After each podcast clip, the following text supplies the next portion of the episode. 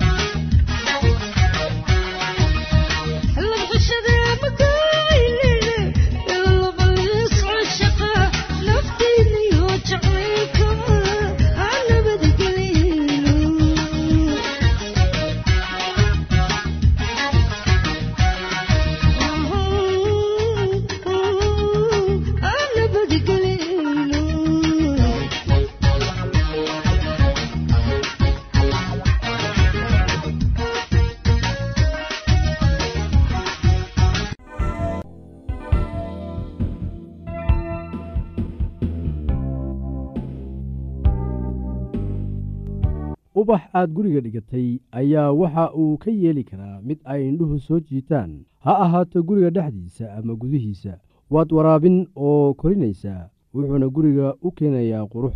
Waxaa wanaagsan inaynu soo gebagabayno barnaamijkan ku saabsan indhaha soo jiidashada ama quruxda guriga. Waxaa laga yaabaa in gurigaagu nadiif yahay oo uu leeyahay nafis kugu filan iyo kuraas fadhi oo quruxsan laakiin xaas aan wax habayn aqoon ayaa quruxda gurigaaga hallayn karta. Aniga kuma lihi mar walba waa inaad taagnaataa oo dhar wanaagsan xirnaataa. Maya maya markii aad dhammaysid shaqada nadiifinta xaaqidda dhaqidda iyo qashin gubidda waxa aad xidhataa dhar wanaagsan. Gurigu waa meel wanaagsan. Haddii farxad iyo deganaan jirto haddaba waxaa laga helayaa meesha indhahaagu soo jiidanayaan haddii aad doonaysid in gurigaagu noqdo meel carruurta iyo waalidiintu jecel yihiin waa inuu ahaadaa meel wanaagsan oo indhuhu soo jiidanayaan qurxnaanta ama indha soo jiidashada guriga. Ma ahan oo keliya qaabka iyo muuqashada kore.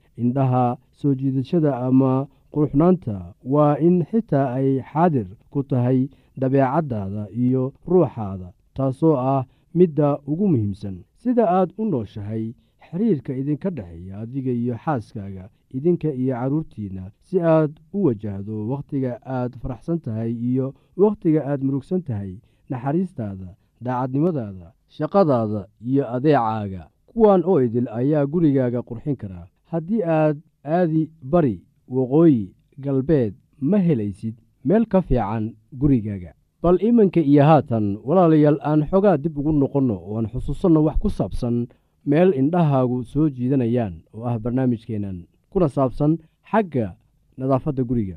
Guryaha qaar isla markii aad eegtidba indhahaaga ayay soo jiidanayaan qaarna indhahaagu ma jeclaysanayaan. Ma ahan mid inuu cusub yahay kan kalena duug yahay. Maya sidaasi ma ahan waxaa jira guryo badan oo duug ah laakiin haddana indhahaaga soo jiidanaya. Qaar cusubna ay indhahaagu diidayaan.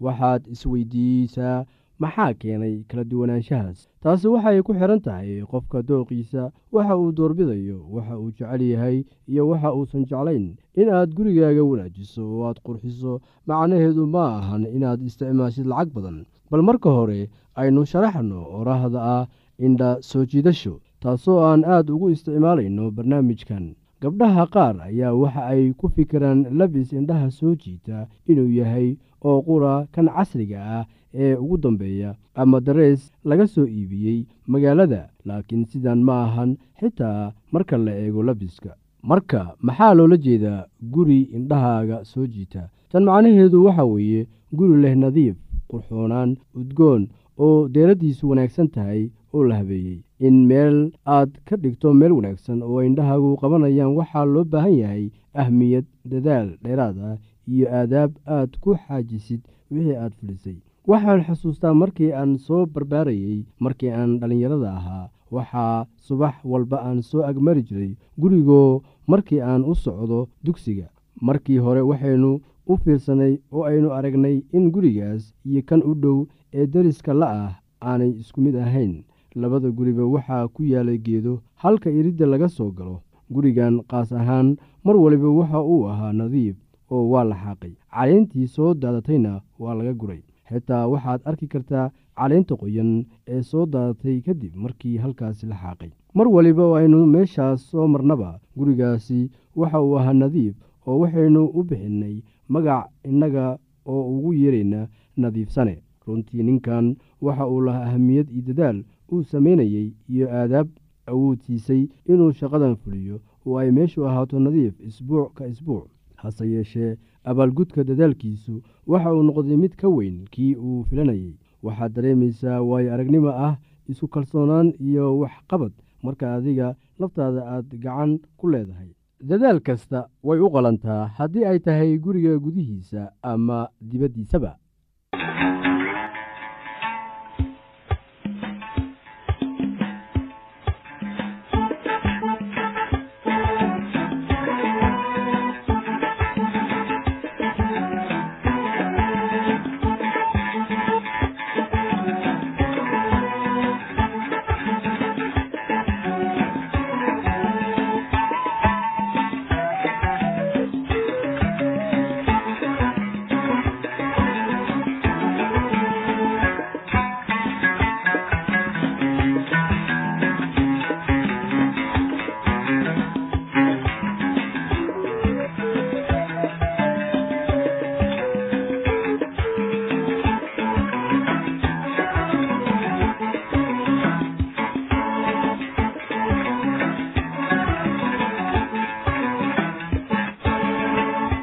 marka gabadhu ilwaa qurax ku yeelyo qabku duqon maduu yahay.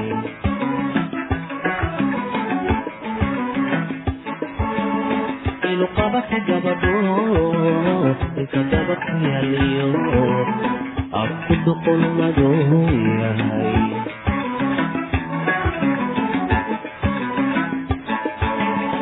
On in lahayno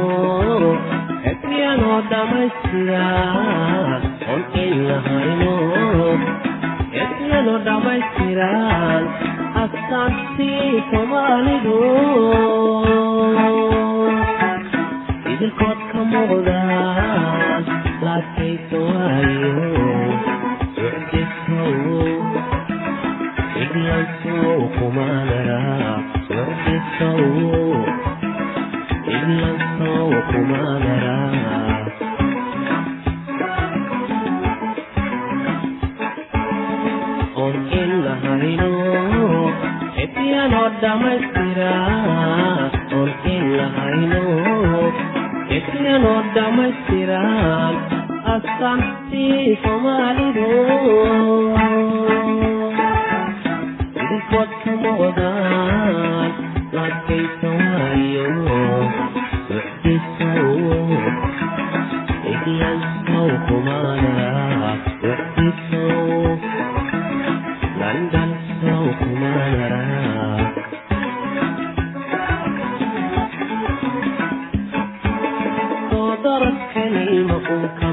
xaydhabi soodoradkaniima uun kaminka xaydhabi gurbaa maalilaahay soo qalgalkaygii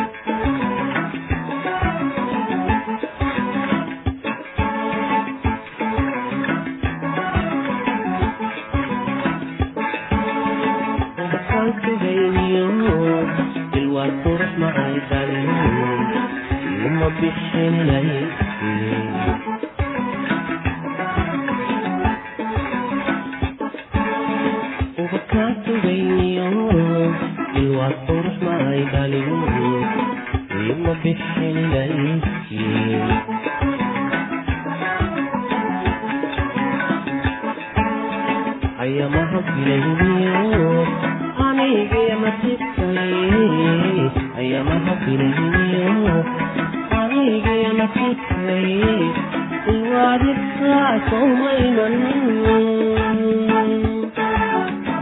baqaadka nolosha waa hadbarka gurikee wixdisow idlansow kumaanara wixdisow london sow kumaanara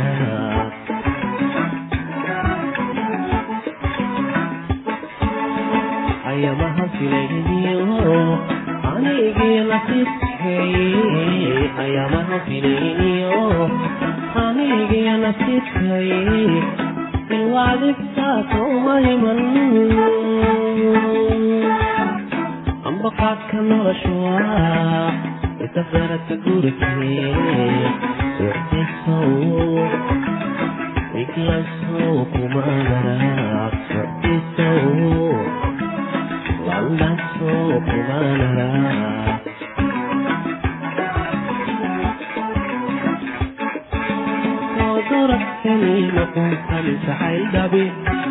soodoradkani maquunkan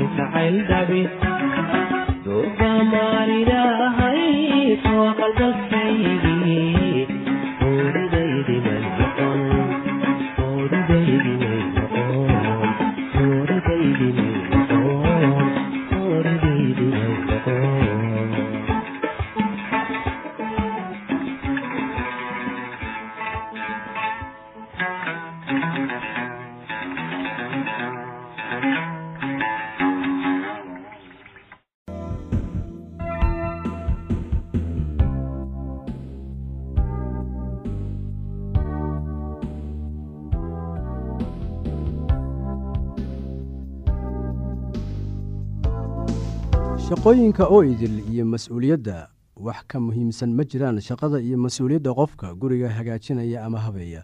Iyada oo laga fikirayo muhiimadda ballaaran ee ay haweenku ku leeyihiin adduunkan ayaa nin waxa uu yidhi sida tan. Waxaa jooga adduunkan waa wax ka soo farcamay naag uun kheyr iyo sharba. Inaad ku raacdo laga yaabaa inaanay ku raacin laga yaabaa. Laakiin taas waxaan uga dan leeyahay inaad ku raacdo ayaa laga yaabaa ama inaadan ku raacinba laakiin haweentu waa qof adduunka muhiimad ballaaran ku leh kheyr iyo shar. Labaduba haweenkan badankooda ma garanayaan ama ma arkaan sida ay muhiim u yihiin. Kuma liitaan awoodda ay ku sameynayaan wanaagga iyo kan ay wax ku baabi'inayaan. Tan iyo inta badan waxaa lagu sameeyaa guriga meel qarsoodi ah iyo meelo kale oo xukumo awooddan. Taas waxaan uga dan leeyahay meel qarsoodi ah oo iyaga oo qura ayuunbaa xukumo awooddan hooyada inay noqoto guri maamulaha ayaa ah midda ugu weyn adduunkan. Noqoshada hooyada waa mid aad u adag oo khatar ah laakiin wax beddeli kara iyada ma jiraan. Adduunka haweenka maanta waxay u muuqataa inuu buuxiyey heer laga gaaray xagga cilmiga farsamada gacanta iyo sayniska.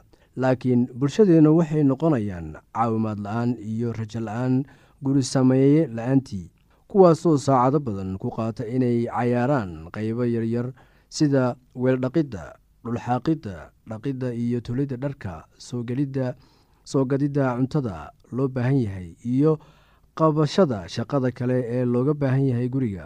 Waxyaalahan kulli markii la isku dardaro waxay sameeyaan guri ka dhig meel adiga iyo familkaaga u gaar ah meel ka xirxiran qalbiyada adduunka maanta meel leh jacayl iyo as-aqbalid meel leh difaac waa guriga. E gurigu waa sida shay baar nololeed oo ay dadku ku koraan.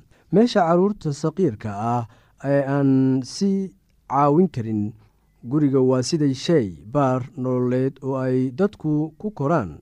Meesha carruurta saqiirka ah ee aan iscaawin karin ku koraan waa meel carruurta koraysa iyo dadka waaweyn isdhexgelayaan oo ku baranayaan inay qof noqdaan kaasoo daryeela qalbi qaboojiya jeclaada waxqabsada noqda qof mas'uuliyad leh oo u adeegaya ilaahay dadkaba.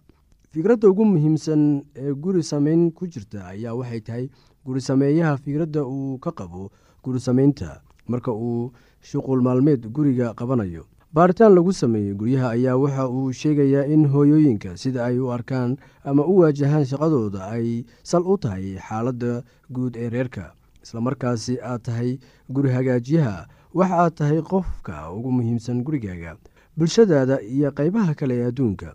Waa run in naagtu qabato shaqo badan oo loogu talagalay inuu ninka qabto. Si wanaagsan ayayna u samaysaa laakiin guri hagaajinta iyada oo keliya ayaa qaas ku yahay.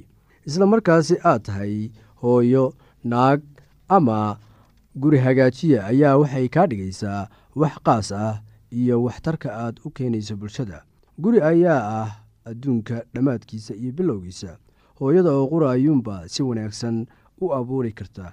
Hooyada ugu awoodda iyo xoog badan adduunka maanta ma ahan kuwa shineemooyinka iyo riwaayadaha jila laakiin waa kuwa bulshadooda dhex jooga oo naftooda u horay horumarka dadkooda iyo mas'uuliyadda hooyanimo oo caawiya nimankooda. Waxay u baahan tahay dadaal daacad ah daryeelayn isdhibid iyo is-edbin si aad u noqotid guri hagaajiye weyn. Inaad gacan ka geysato koriinka wiil iyo gabar barbaaraya oo noloshooda isaga raaxaysanaya oo waddani sax ah oo laga doonayo iyaga oo laftooda inay aaqirka guryo dhistaan. Oo ay waddada ilaah qaadaan ayaa ah shaqo culus oo laga doonayo qofka guriga hagaajiyaha ah. Waa run oo waxaa dhici karta inaad gacan ku leedahay shaqo kale laakiin aad fursadda u horaysi aad siiso guriga hagaajinta u adeegidda ninkaaga saaxiibadiisa iyo dhaqaalaynta carruurtaada markaa kadib ayaad fursadaha kala siin kartaa shaqooyinka kale. Marka hooyada guriga sameeyaha ay joogto iyadoo jecel inay carruurteeda wax la qaybsato dhegaysato oo daryeesho carruurta waxay ku raaxaysanayaan imaanshaha guriga oo xitaa saaxiibadooda keenaya. Dadka aala waxaa u qabta sida caadiga ah oo ay iyagu goostaan waa inay aqbalaan xadidaad ku yimaada dhaqdhaqaaqooda. Taas waxaan uga dan leeyahay xadidka ku yimaada dhaqdhaqaaqooda. Qaar badan waxay naag iyo hooyo noqoshada la tahay mid sharaf leh. Nolosha oo dhan tan ayay siiyaan oo runtiina waa mid aad iyo aad u wanaagsan. Qaarna shaqada guriga hagaajiya waxay u arkaan wax macno daro ah. Qaar waxay doortaan guri dhaqidda laakiin maalintii oo dhan way calaacalayaan qaar waxay isu guursadaan sida iyagoo qorsho kale isla gelaya. Aniga qaybteyda oo qura ayuunbaa samaynaya waxaan doonayaa sinaan iyo cadaalad. Ma jirto nin ama cunug ixukumaya oo ama ixukumi kara oo wakhtigayga iyo xirfaddayda qaadan kara. Hase yeeshee qaar waxay guurka iyo waalidnimada u aqbalaan sida axdi la xiriira jacaylka uma aqbalaan sida wax qasab ku ah inay sameeyaan jacaylka waxa uu si xoog leh u saameeyaa waxa ay gacantu awooddo inay samayso. Jacaylku wuxuu ku farxaa waxa aad samaynaysid isla markaasi aad samaynaysid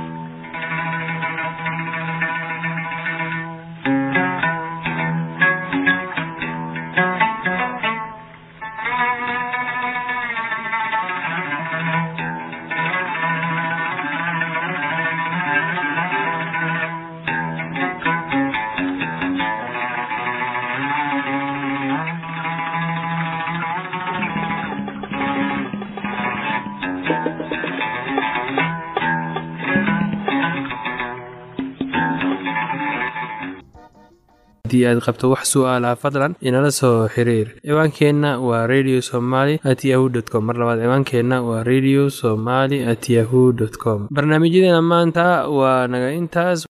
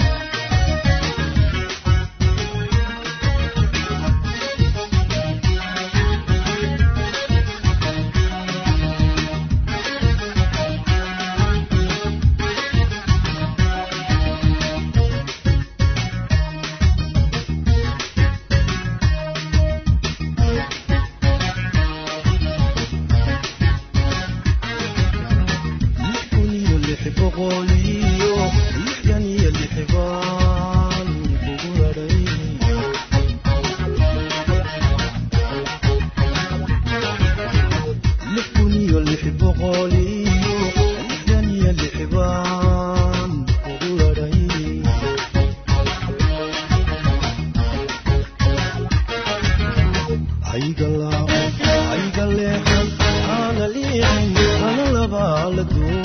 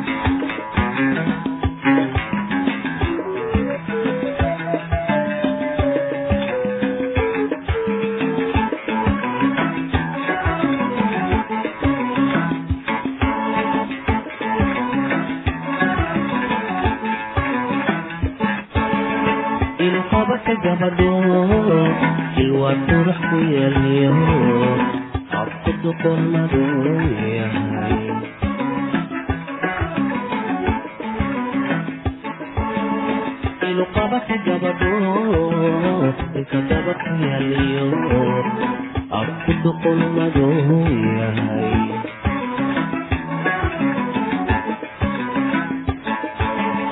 oon in lahayno ekyanoo dhammaystiran oon in lahayno ekyanoo dhammaystiran astaantii soomaalidu